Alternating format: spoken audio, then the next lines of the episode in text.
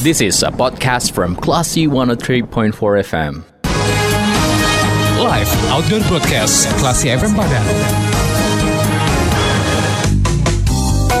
103.4 Klasi FM This is the actual radio. Klasi People kita akan bergabung dengan tim live outdoor broadcast radio Klasi FM Padang Yang saat ini sedang berada di Fakultas Ekonomi Universitas Andalas bersama Dita Indira Silakan Dita Dita, Dita. Baik terima kasih Gandhi uh, Klasi People saat ini saya sedang berada di Fakultas Ekonomi Universitas Andalas Dan dalam obrolan spesial di sore hari ini ya Semoga Anda dalam kondisi yang baik seperti negara kita juga kalau bisa dalam kondisi yang baik-baik saja. Di samping saya sudah hadir narasumber kita yang akan membahas dengan um, secara seksama ya terkait dengan kondisi negara kita saat ini. Sudah senyum-senyum nih bapaknya.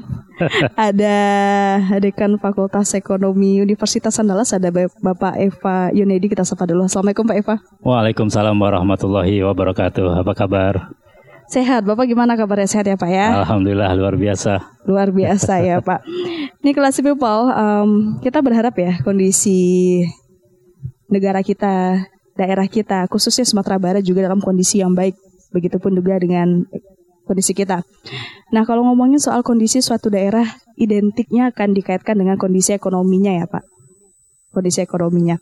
Namun um, kalau buat Anda yang mengikuti perkembangan berita ekonomi ini, khususnya di Sumbar, mungkin agak sedikit um, notice ya dengan highlight berita di mana Sumbar ini menjadi peringkat kedua dengan inflasi tertinggi di Indonesia per bulan Juli kemarin dengan tingkat inflasi itu mencapai 8 persen.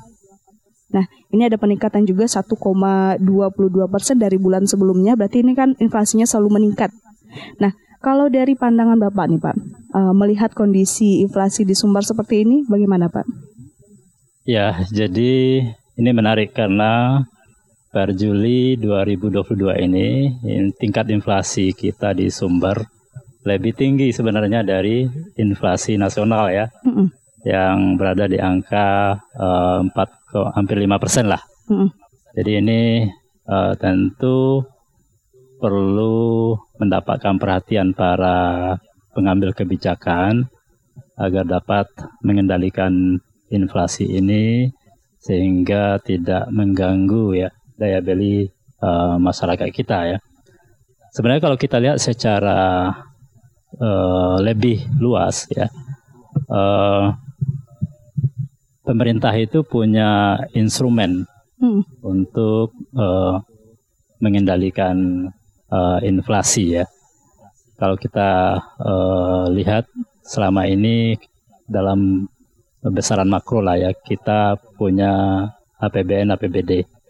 Nah APBN, APBD itu kan sebenarnya punya tugas tiga. Ya. Uh, tugas pertama bagaimana uh, fungsi APBN atau APBD itu mampu menstabilisasi perekonomian. Yang kedua uh, mengalokasikan ya sumber daya yang dimiliki. Yang ketiga itu adalah uh, melakukan fungsi distribusi gitu ya. Hmm. Fungsi distribusi. Nah, ketiga ini uh, bisa dilakukan oleh pemerintah tentu dengan melakukan koordinasi kebijakan dan eksekusi lapangan antar berbagai uh, stakeholder ya dan pelaku-pelaku ekonomi gitu ya. Hmm. Nah itu jadi ini uh, harga BBM itu kan belum dinyatakan naik ya, tapi uh, apa harga-harga yang lain sudah lebih dahulu iya. mengalami kenaikan. Kenaikan ya, harga telur itu sudah 32.000 per kilogram kan yang selama ini tidak sampai segitu. Nah, ini memang uh, perlu segera uh, dikomunikasikan baik dengan baik oleh pemerintah kepada masyarakat untuk tetap tenang karena uh, kuncinya memang di kebijakan pemerintah terhadap BBM hmm. terhadap BBM ini. Uh, kita menyadari bahwa gini ya uh, subsidi terhadap BBM itu memberikan tekanan terhadap APBN yeah karena uh, dengan harga minyak dunia yang uh, meningkat terus, uh, tentu harga pasar BBM itu lebih tinggi dari harga yang sekarang berlaku di Indonesia, gitu ya. Sehingga uh, subsidi yang dianggarkan oleh pemerintah agar harganya tetap seperti sekarang tentu bertambah, gitu ya. Tapi menurut pandangan saya, uh, subsidi BUMN saat ini merupakan uh, tool yang praktikal untuk mengendalikan inflasi. Itu yang paling praktis sekarang ya hmm. untuk mengendalikan inflasi. Jadi saya termasuk yang uh, in favor ya uh, dalam kondisi sekarang di mana kita belum uh, recovery dengan baik dari akibat COVID gitu ya. Masyarakat masih uh, masih belum sempurna uh, pulih dari COVID ekonominya dan itu akan menjadi beban bertambah kalau seandainya uh, ditambah lagi dengan kenaikan-kenaikan harga yang akan menguras daya belinya gitu. Nah, jadi kan sekarang lagi lagi pro dan kontra nih. Oh, kalau dari pemerintah subsidi ini sudah sangat membebani APBN. Ya, tapi kalau menurut saya ya saat ini memang uh, apa uh, kalau kita cabut ya, cabut ya, tentu akan uh, akan mendorong ya terjadinya inflasi lebih tinggi lagi ya. Tentu akan uh, mengurangi welfare, akan mengurangi output ya, dan tentu akan uh, akan uh, semakin ini semakin lama kita bangkit dari uh, COVID ini. Mm -hmm.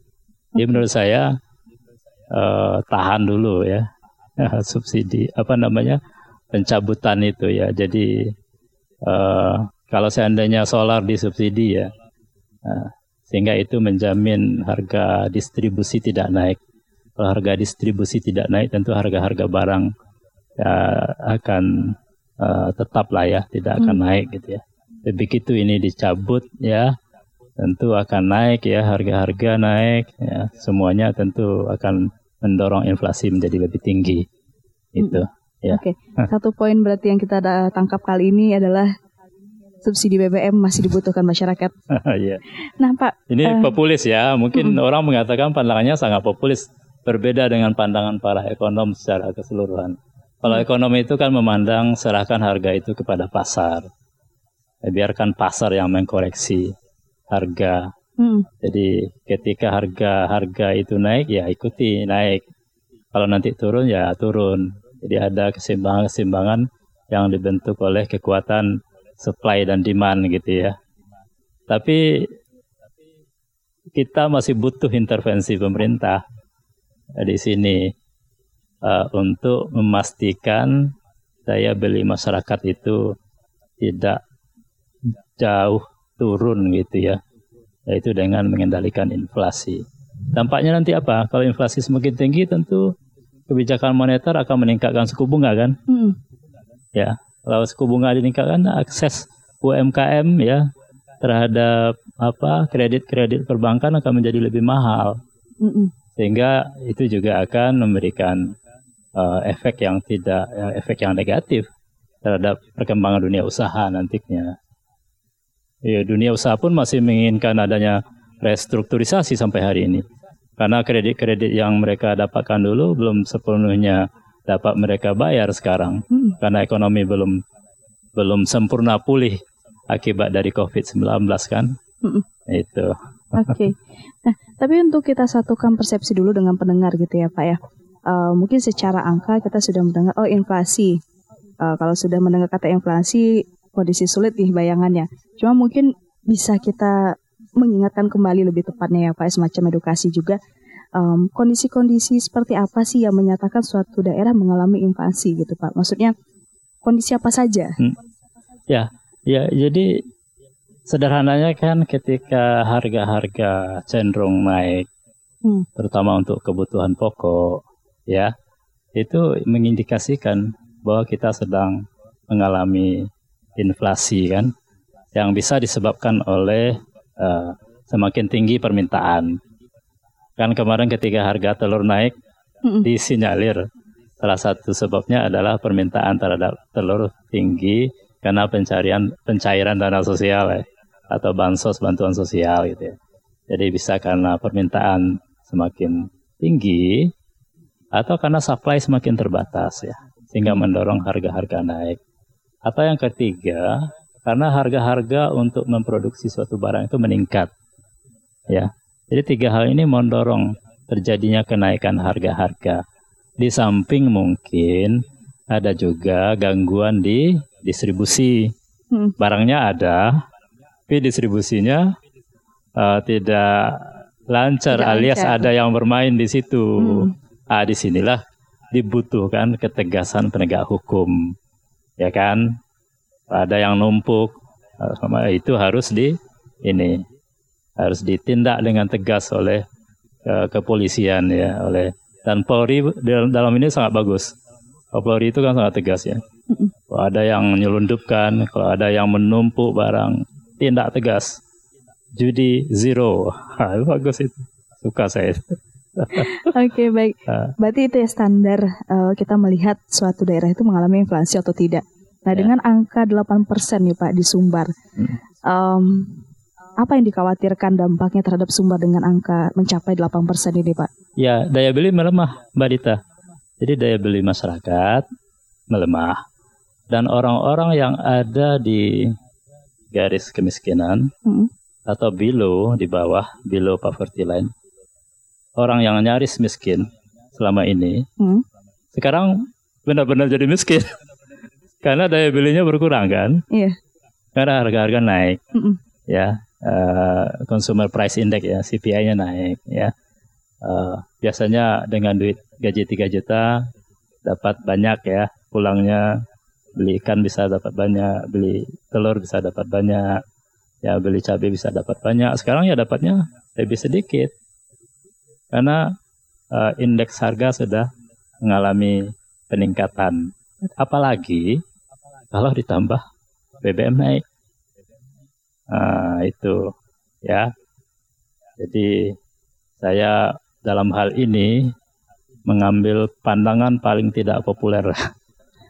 Mungkin pandangan kalau dengan ekonom pasti ini wah, serahkan ke pasar harga jangan dipermainkan di dalam hal ini menurut saya pemerintah masih punya pilihan. Ya. Kan yang dikhawatirkan pemerintah kalau subsidi tetap diberikan maka uh, eh, APBN akan semakin besar defisitnya. Ya, banyak cara kok ya yang lain. Ya, misalnya ya uh, tunda dulu belanja-belanja yang tidak penting tunda dulu bangun IKN ya atau review tuh belanja dari lembaga-lembaga negara ataupun uh, uh, badan-badan yang mungkin tidak kita rasakan dampaknya atau manfaatnya gitu ya. Jadi spending quality dari pemerintah yang perlu diperbaiki dan ditingkatkan hingga belanja itu efektif ya. Belanja negara itu benar-benar tidak apa seperti apa ya bangun kereta api cepat tapi dirasakan diperlukan nggak? Bangun bandara udara Kertajati ya ternyata kosong. Bangun irigasi oh nggak dimanfaatkan. Nah, berarti kan ini di perencanaannya dulu lemah. Hmm. nah sekarang kan saatnya belanja belanja modal yang seperti itu di review ya kualitasnya kemudian ya ya, di ini di rasionalisasi ya kalau bahasanya kan dulu di di di, di realokasi lah hmm. di realokasi gitu ya gitu oke baik pak ini kita gambaran inflasi sumber ya Pak ya. ya. Belum kita bahas negara nih ya Pak. Iya, sumber ya. sumber kalau kita lihat kayaknya um, sembako pun juga penyumbang terbesar juga ya Pak di angka mm -hmm. inflasi saat ini ya. Mm -hmm.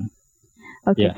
Baiklah si people, uh, kita masih akan berbincang lagi nih uh, dengan Pak Eva terkait dengan upaya yang kita harapkan bisa direalisasikan ya Pak ya. Kita di sini juga bersuara, um, semoga stakeholder terkait juga uh, menambah insight ya dengan obrolan kita di sore hari ini. Tapi buat Anda yang ingin titip pertanyaan, terkait dengan pembahasan kita kali ini yang temanya um, terkait inflasi dan juga solusi penggunaan dana desa dan pengendalian inflasi daerah untuk efisiensi penggunaan anggaran negara. Nah silahkan Anda bisa bertanya di WhatsApp kita di 0812 660 1034 atau Anda juga bisa bertanya via line telepon di nomor yang sama ya di 0812 660 1034. Kita akan kembali sesaat lagi setelah komersial break yang berikut ini. Live Outdoor Broadcast Klasi FM Padang.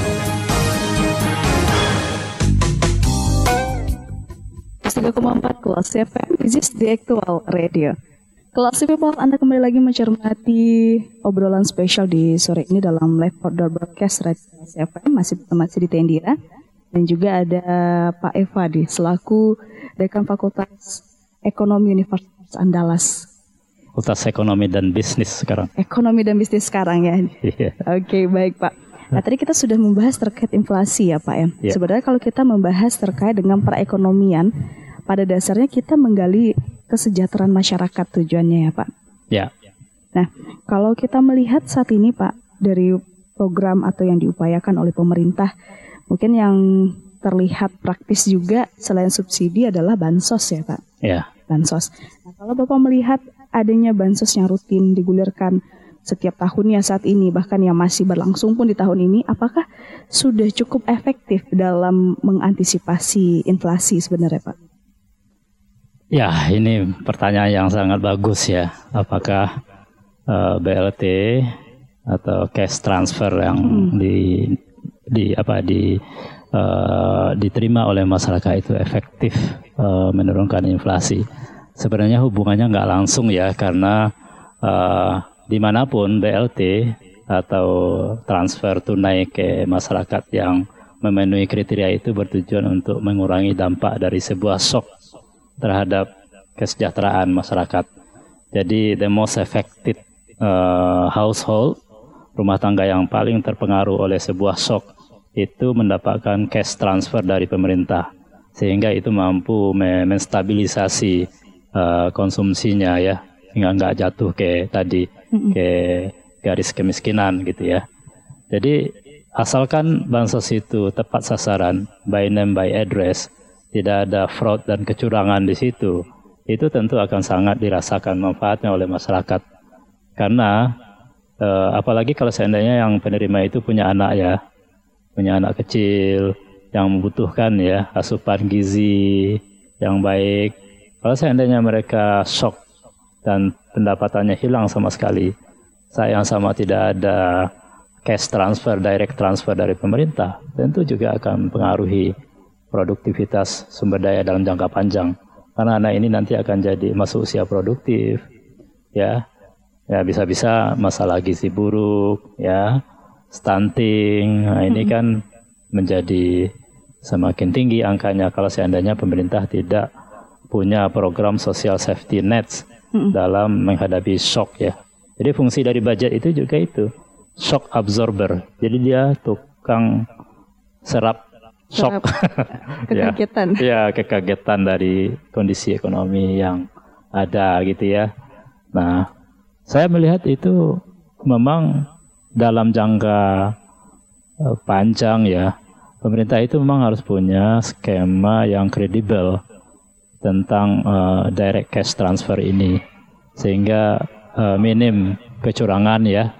Uh, dan dan benar-benar by name by address orang yang benar-benar sesuai kriteria dan yang memenuhi eligibility yang mendapatkan itu gitu ya. Hmm.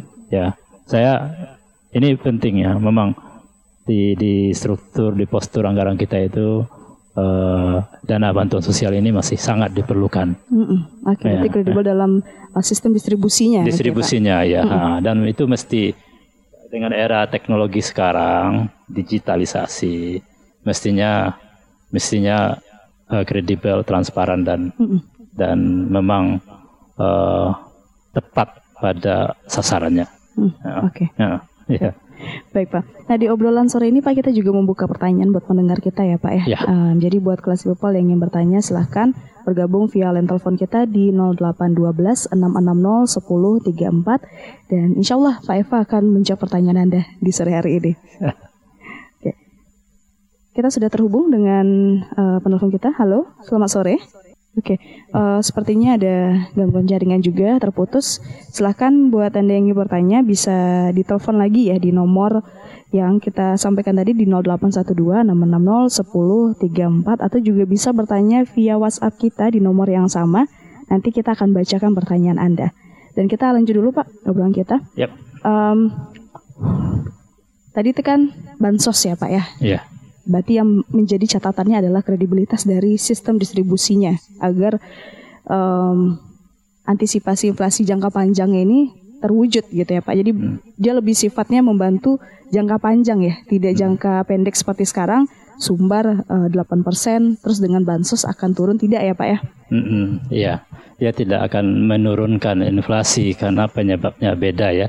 Tapi dana bansos pasti akan bermanfaat agar masyarakat tidak eh, Terlalu kaget. terlalu ini eh, kaget ya sehingga apa kesejahteraannya tidak drop gitu ya menurun gitu ya. Mm-mm. Oke. Bansos berarti kan salah satu upaya pemerintah untuk menjaga kesejahteraan masyarakatnya dalam kondisi perekonomian apa pun itu. Mm. Nah, selain itu kan juga ada nih eh, bentuk yang dilakukan oleh pemerintah dalam meningkatkan kesejahteraan masyarakat khususnya dalam em, lingkup skala daerah yang lebih kecil seperti dana desa ya Pak ya. Karena semua kita kan terdiri dari beberapa desa, sejahtera dulu desanya nanti akan globalnya akan lebih sejahtera. Nah, kan ada juga dana desa nih Pak. Namun sebelum kita eh, menggali efektivitas dana desa saat ini ya Pak ya, mungkin perlu kita kasih batasan dulu nih Pak antara dana desa dengan bantuan sosial.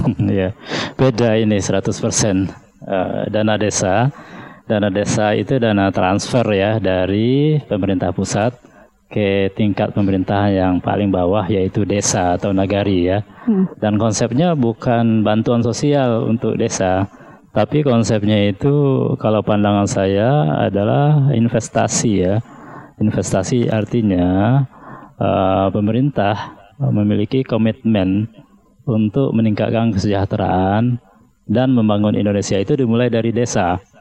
Membangun desa artinya membangun Indonesia gitu ya. Artinya kalau desa-desanya sejahtera, Indonesia sejahtera gitu ya. Dan tentu akan mengurangi tingkat urbanisasi. Ketika di desa itu sejahtera, uh, tentu ada insentif bagi anak-anak untuk tetap tinggal di desa karena uh, karena dia sejahtera di desa ya sehingga mengurangi beban kota. Kalau seandainya ada desa ini dikelola dengan uh, baik dan efektif ya. Jadi beda sekali. Dana desa ini dialokasikan oleh pemerintah dengan uh, aturan main yang sudah sangat uh, jelas ya. Sehingga aparat pemerintah desa dapat menggunakan ini ya sebagai instrumen untuk meningkatkan uh, pendapatan masyarakat di desa, memperbaiki infrastruktur di desa, meningkatkan kapasitas ya kapasitas uh, apa uh, sumber daya manusia yang ada di desa atau di nagari. Sehingga kalau ini berjalan uh, efektif, ekonomis dan efisien tentu dampaknya akan dirasakan oleh desa itu sendiri. Dampaknya apa kira-kira? Ya, tentu angka kemiskinan berkurang, tingkat kesejahteraan, kesejahteraan meningkat, infrastruktur publik meningkat dalam bentuk jalan atau irigasi, dan institusi atau kelembagaan di desa itu semakin kuat dan tata kelolanya semakin baik, ya. Ya, artinya kalau kualitas institusi di desa baik, eh, pengelolaan keuangannya baik, nggak ada yang bermasalah dari sisi hukum ya, akuntabel, tentu dampaknya akan meningkatkan secara keseluruhan eh, indeks pembangunan manusia di desa itu. gitu. Ya. Oke baik Pak, itu gambarannya dana desa em, sama sekali bahkan tidak beririsan dengan bantuan sosial ya Pak. Ya? Iya, nanti keliru kalau dibilang dana desa seperti bantuan sosial gitu. Oke. Okay. Dan um, kita masih menerima kesempatan untuk Anda yang ingin bertanya via line telepon ya, kelas people dengan nomor yang sama. Sudah ada yang tersambung. Kita coba angkat. Halo, dengan siapa di mana? Halo, halo, halo, halo, halo, halo.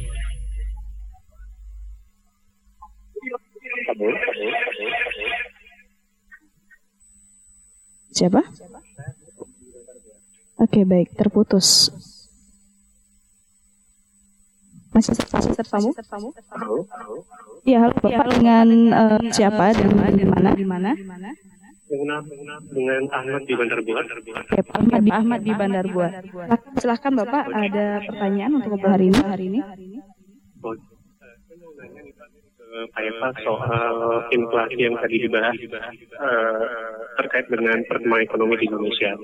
Nah ini kan pemerintah mau menaikkan atau bisa dibilang mencabut subsidi BBM yang saat ini memang dirasakan dampaknya cukup buruk. Padahal ini belum naik tapi udah udah cukup meresahkan gitu. Kemudian juga uh, skema pembiayaan pensiun terhadap uh, pensiunan PNS yang dianggap sebagai beban skema pembiayaannya dan lain sebagainya itu kan kayak tidak berpihak kepada masyarakat. Sementara juga pemerintah juga beberapa uh, mempunyai proyek-proyek pemerintah ambisius seperti uh, pemindahan ibu kota dan lain sebagainya gitu. Kira-kira apa sih yang bisa didapatkan oleh masyarakat dengan apa yang terjadi sekarang? Apakah memang pemindahan ibu kota itu menjadi prioritas yang dapat meningkatkan ekonomi masyarakat atau malah sebaliknya? Sementara dengan kenaikan-kenaikan yang terjadi saat ini, yang sepertinya sangat berdampak buat buat uh, masyarakat, tapi pemerintah juga ngebat untuk, segera menaikkan, mencabut dan lain sebagainya. Kira-kira dan, dan, dan pertanyaan terakhir saya, saya uh, uh, uh, penjelasan yang paling masuk akal yang dijelaskan oleh pemerintah kepada masyarakat itu seperti apa sih Pak?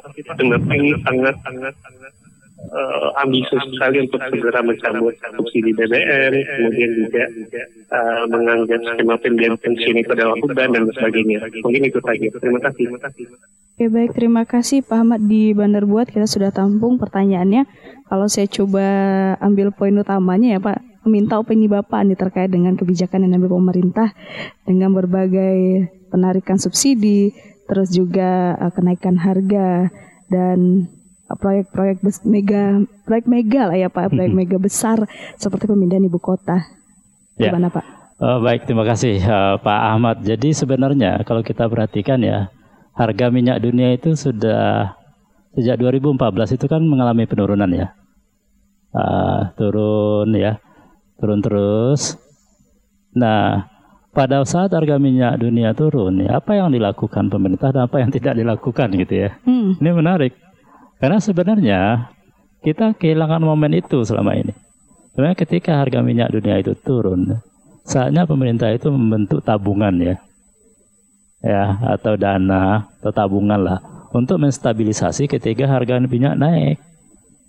Ya, jadi ke mana aja ketika harga minyak dunia turun, memang sih pernah diturunkan seribu misalnya kan harga minyak. Ya, harusnya memang waktu itu ya dibentuk tabungan ya.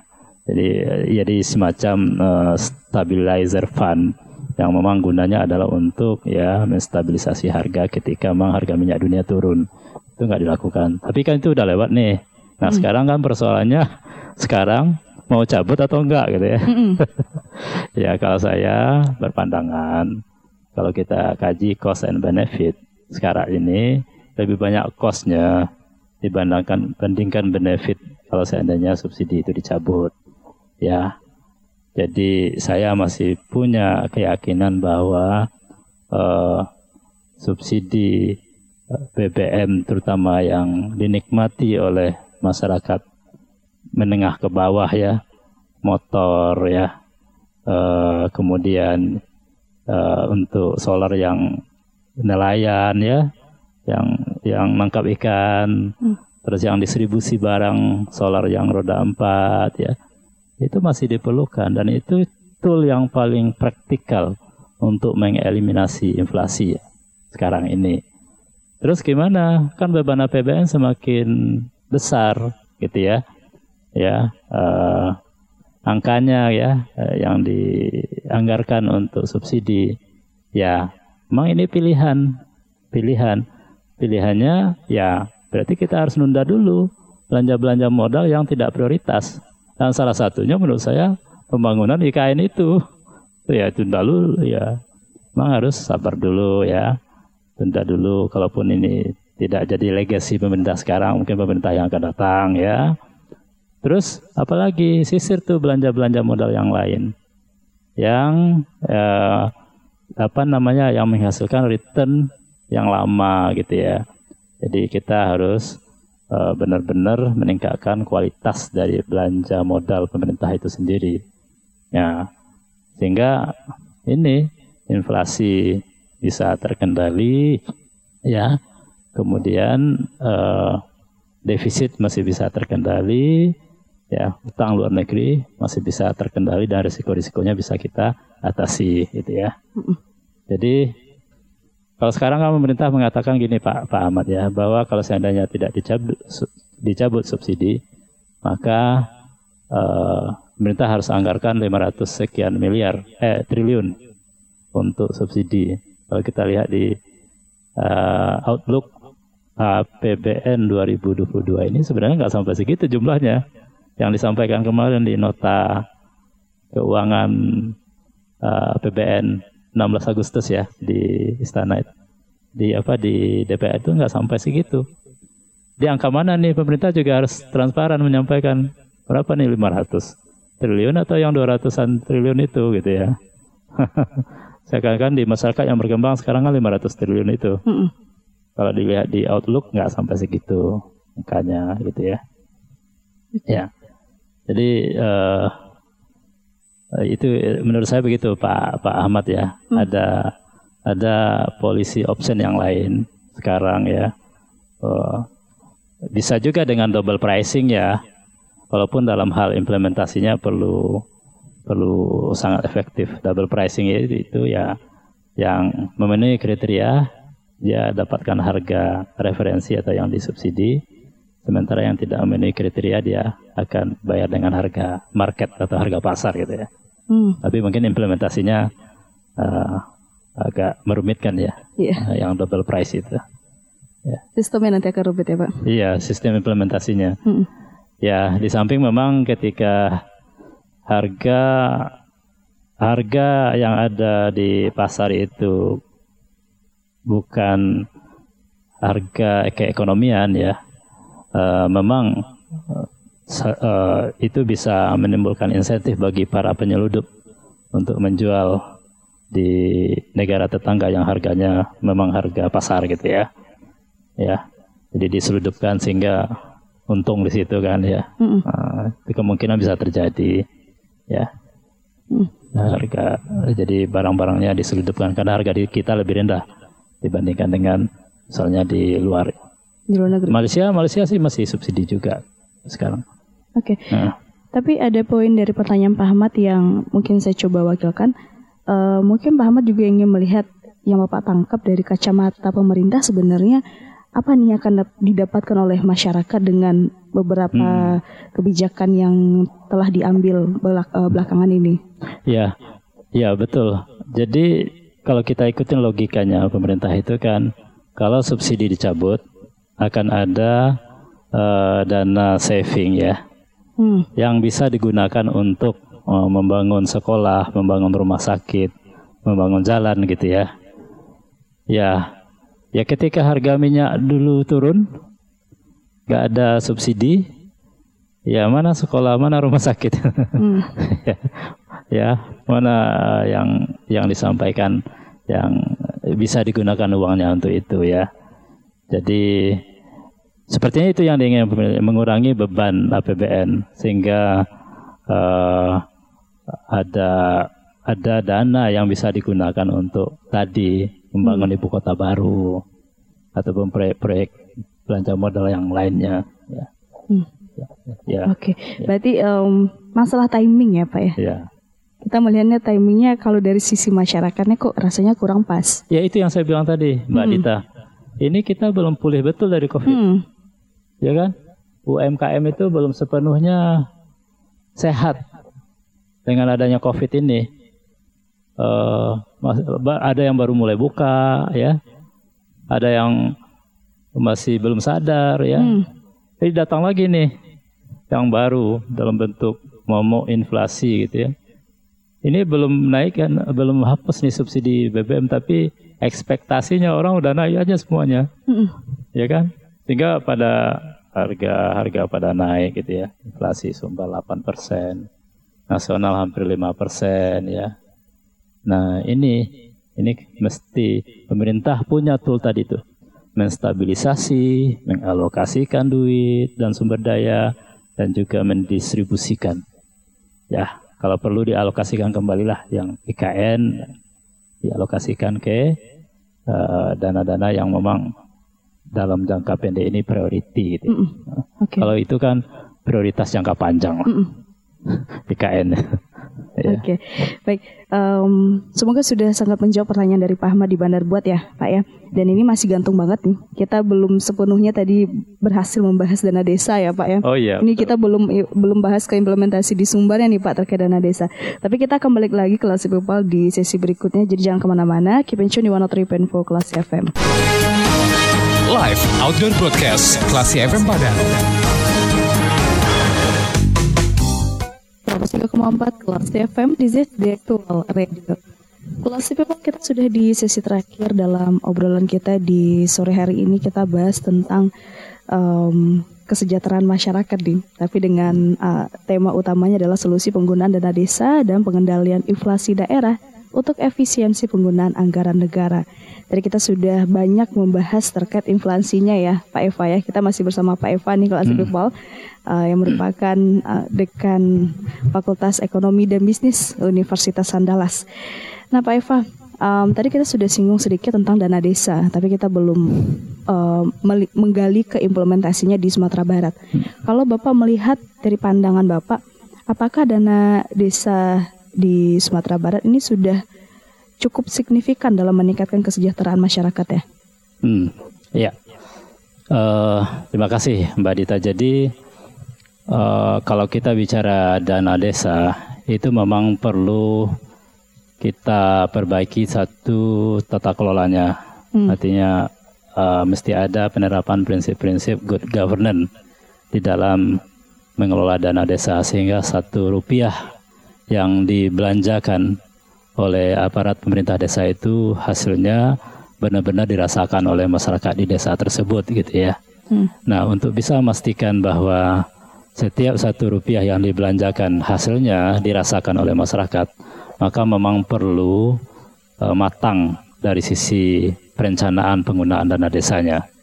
Jadi waktu mengalokasikan sumber daya dana desa ini mesti benar-benar berdasarkan kebutuhan uh, dan itu proyek-proyek yang mampu memberikan multiplier efek bagi perekonomian di desa tersebut gitu ya. Mm -mm. Jadi ini pertama di penerapan prinsip uh, good governance di dalam pengelolaan dana desa artinya perencanaannya matang dan eksekusi dan serapannya juga uh, berkualitas sesuai dengan apa yang sudah direncanakan tadi. Dan yang uh, selanjutnya memang akuntabilitas penggunaannya. Artinya uh, jangan sampai dalam hal penata usahaan dana desa ini uh, menyimpang, ya, hmm. menyimpang uh, atau ada unsur-unsur yang melanggar ya, sehingga terjadi fraud dalam uh, penggunaan dana desa. Dan ini kan kita sayangkan kalau seandainya ada terjadi uh, aparat desa yang harus berhubungan dengan aparat penegak hukum karena terjadi beberapa penyimpangan dan fraud di dalam penggunaannya. Maka audit menjadi kebutuhan ya. Tentu audit dana desa itu agar uh, setiap satu rupiah tadi itu benar-benar ekonomis, efisien dan efektif di dalam meningkatkan kesejahteraan uh, masyarakat di desa, mengurangi kemiskinan di desa, meningkatkan investasi ya di desa. Kemudian pada akhirnya ya dia akan mampu meningkatkan indeks pembangunan manusia di desa itu. Ekonominya tumbuh, masyarakatnya, pendidikannya lanjut ya, kesehatannya terjaga dan investasi di situ berkembang. Apalagi kalau seandainya digunakan juga untuk mendirikannya badan usaha milik desa hmm. yang memberikan uh, lapangan pekerjaan bagi anak-anak uh, remaja, anak-anak uh, apa uh, di desa tersebut gitu ya. Nah, uh, beberapa studi yang dilakukan dan Fakultas Ekonomi pernah melakukan studi, tapi memang kesimpulannya belum sesuai dengan harapan adanya dana tersebut. Jadi ada studi yang membuktikan tidak ada pengaruh yang signifikan ya akibat pengucuran dana desa terhadap pengurangan tingkat kemiskinan dan laju urbanisasi ke kota gitu ya. Nah ini kan perlu dipelajari lebih jauh. Kenapa misalnya ya? Apakah karena masih lemah di sisi uh, perencanaan dan eksekusi anggarannya tadi atau memang dana desa lebih banyak digunakan untuk ya program-program yang tidak langsung berhubungan dengan peningkatan investasi di desa tersebut atau peningkatan kapasitas uh, uh, SDM sumber daya manusia di desa tersebut. Dan ini saya kira perlu diteliti lebih jauh ya. Hmm. Uh, potret terkini, peta terkini uh, dari dana desa ini. Tapi secara teori tentu ketika kita mengalokasikan dana ke desa, memang kita berharap desa uh, sejahtera, desa sejahtera, masyarakat sejahtera ya. Kemudian itu ya namanya yang membangun Indonesia dari desa atau membangun Indonesia dari nagari lah ya, hmm. dari nagari. Uh, memang perlu ya terobosan yang inovatif juga. Uh, tidak semua desa punya potensi usaha dan harus mendirikan badan usaha milik desa. Tidak semua. Jadi ada kalanya beberapa desa harus berkolaborasi. ya desa itu berkolaborasi sehingga uh, tercapai ya skala ekonomis untuk mendirikan sebuah badan usaha sehingga badan usaha itu bisa saja dimiliki oleh beberapa desa mm-hmm. di region atau di cluster ya cluster tersebut gitu ya. Oke. Okay. Ya. Pandangan ekonomi Bapak nih kalau untuk di Sumber. Contoh inovasinya yang mungkin um, sudah ter, sudah terlihat dari pandangan ekonomi Bapak tapi sepertinya tidak terlaksana juga sampai sekarang. Ya sebenarnya pemerintah Sumatera Barat itu di RPJMD-nya kan punya fokus di sektor pertanian ya. Hmm. Dan saya kira bagus karena memang sumber kan digerakkan ekonominya oleh sektor pertanian. Hmm. Sumber pertumbuhan ekonominya dari pertanian, peternakan ya, perikanan. Meskipun agak cenderung menurun ya, tapi dengan komitmen Pemprov mengalokasikan sampai 10% dari APBD untuk sektor pertanian, saya kira ini mesti ya, mesti ditangkap oleh pemerintah desa uh, untuk mendirikan ya uh, uh, apa agro agro bisnis ya. Bisnis bisnis yang berbasis agro yang berbasis agriculture yang itu uh, bisa dengan uh, menggabungkan potensi beberapa desa. Contoh ya misalnya kita ingin meningkatkan produksi jagung. Itu basisnya jangan desa tapi kecamatan. Ya jadi uh, kita kita target lah ya. Dan kita kompetisikan gitu ya. Provinsi itu kompetisikan bahwa ini nih kalau saya ini di, dicek nih kecamatan A produksi jagung. Kecamatan B gitu kecamatan C. Itu kita cek terus. Ini produksinya naik nggak? Produksinya naik nggak? Dia memang harus fokus juga ya.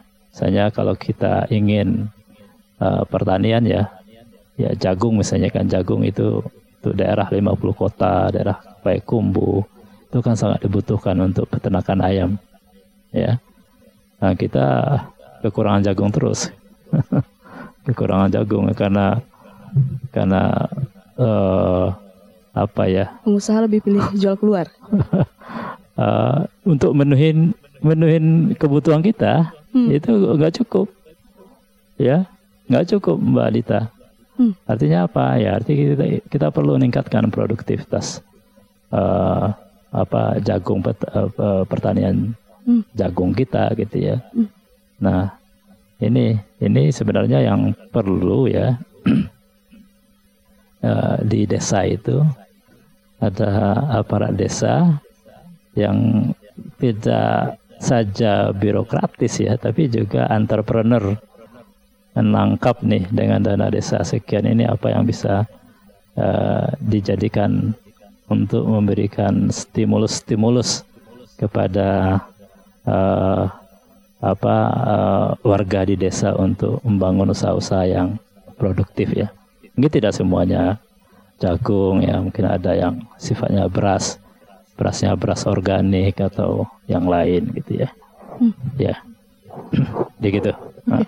Tapi kalau Bapak melihat dari uh, implementasi di Sumbar apakah hmm. para para orang yang berkepentingan di tiap-tiap desa itu sudah memahami betul sebenarnya apa sasaran dari dana desa, Pak? Jadi belum semuanya. Jadi saya melihat masih butuh edukasi. Ya, bahwa dana desa ini uh, bukan bantuan ya. Hmm. Ya. Bukan bagi rata. Bukan bagi rata dari pemerintah. Ke setiap desa masing-masing desa satu M ada yang sekian gitu ya. Tapi mereka mesti ngelihat bahwa untuk menumbuhkan perekonomian di desa ini ada nih satu instrumen yaitu pengeluaran dana desa. Kan untuk tumbuh itu kan sederhananya kita butuh investasi oleh swasta ada swasta datang invest di situ ekonomi tumbuh mm -mm. tapi kalau nggak ada investasi pemerintah nih melalui APBD APBD-nya hmm. anggaran pendapatan belanja desa untuk belanja. Jadi belanja pemerintah itu juga meningkatkan ekonomi di desa tersebut. Belanja yang dari anggaran pendapatan belanja desa itu ya. ya. Kalau ekspor impor kan masih kurang masih uh, terbatas lah ya. Paling tidak kita ngarapin ya dari situ ekonomi di desa itu tumbuh kan ya. Eh, mungkin ada swasta yang invest, uh, belanja dari pemerintah di situ, uh, uh, atau dari konsumsi konsumsi masyarakat dari dana orang rantau remiten ya, mm -mm.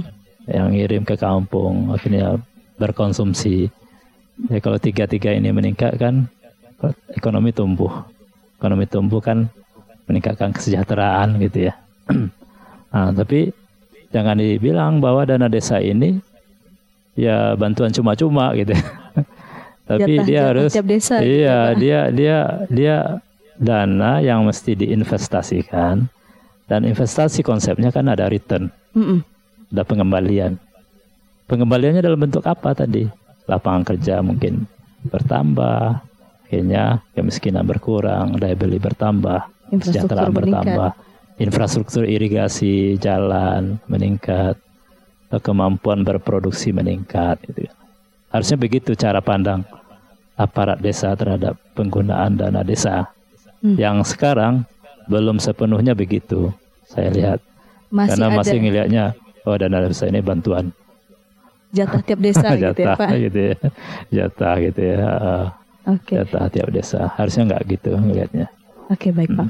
Berarti uh, yang menjadi catatan adalah terkait dengan desa ini adalah masyarakat atau aparat desa khususnya di Sumatera Barat masih butuh edukasi tentang sasaran dari dana desa tersebut. Yeah. Terus um, seperti apa nantinya uh, feedbacknya untuk desa tersebut, seperti yeah. apa distribusinya, seperti apa lokasinya, begitu ya Pak ya. Yeah. Yeah. Dan um, yang menjadi apa ya pemahaman kita bersama mungkin ya Pak ya secara Eh, mungkin secara garis besar Pak. Sebenarnya indikator keberhasilan dana desa itu kalau dibikin per poin nih Pak, satu dua tiganya itu apa aja Pak? Ya pertama dari sisi tata kelola keuangan dana desanya, hmm. clean and clean. Jadi clear and clean artinya kalau di audit bahasanya wajar lah tanpa pengecualian. Hmm. Artinya apa? Benar di dalam pengelolaan keuangan dana desanya. Itu dari sisi aspek kepatuhan dulu ya. Ya. Jadi, jadi tidak ada temuan. Berarti dalam mengelola dana uh, berhasil. Hmm. Gitu. Tapi tidak berhenti di situ. Ya, harus ada impact yang dirasakan oleh masyarakat. Nah, ukurannya apa? Ukurannya tadi tingkat kemiskinan menurun. Ya. Nah, yang kedua tentu uh, apa uh, kesejahteraan meningkat ya. Hmm. Dan pendapatan per kapita di desa itu meningkat ya. Nah, itu yang ketiga kita harapkan juga bahwa uh, apa uh, angka partisipasi kasar SD, SMP, SMA juga meningkat gitu ya di situ karena orangnya semakin sejahtera. Tentu pendidikan menjadi penting gitu ya. Dan juga indikator-indikator dari sisi kesehatan juga membaik lah. Jadi paling itulah yang akan membentuk indeks pembangunan manusia di desa kan. Mm. Jadi uh, kalau dari sisi uh, bisnis ya, uh, dari sisi uh, apa namanya uh, dunia usaha tentu kita harapkan uh, di desa itu jika potensinya memungkinkannya berkembang institusi-institusi uh, usaha yang di di apa dimiliki oleh desa tersebut dan itu menjadi uh, sumber apa lapangan pekerjaan juga bagi masyarakat desa. Saya sebelumnya nggak ada badan usaha milik desa.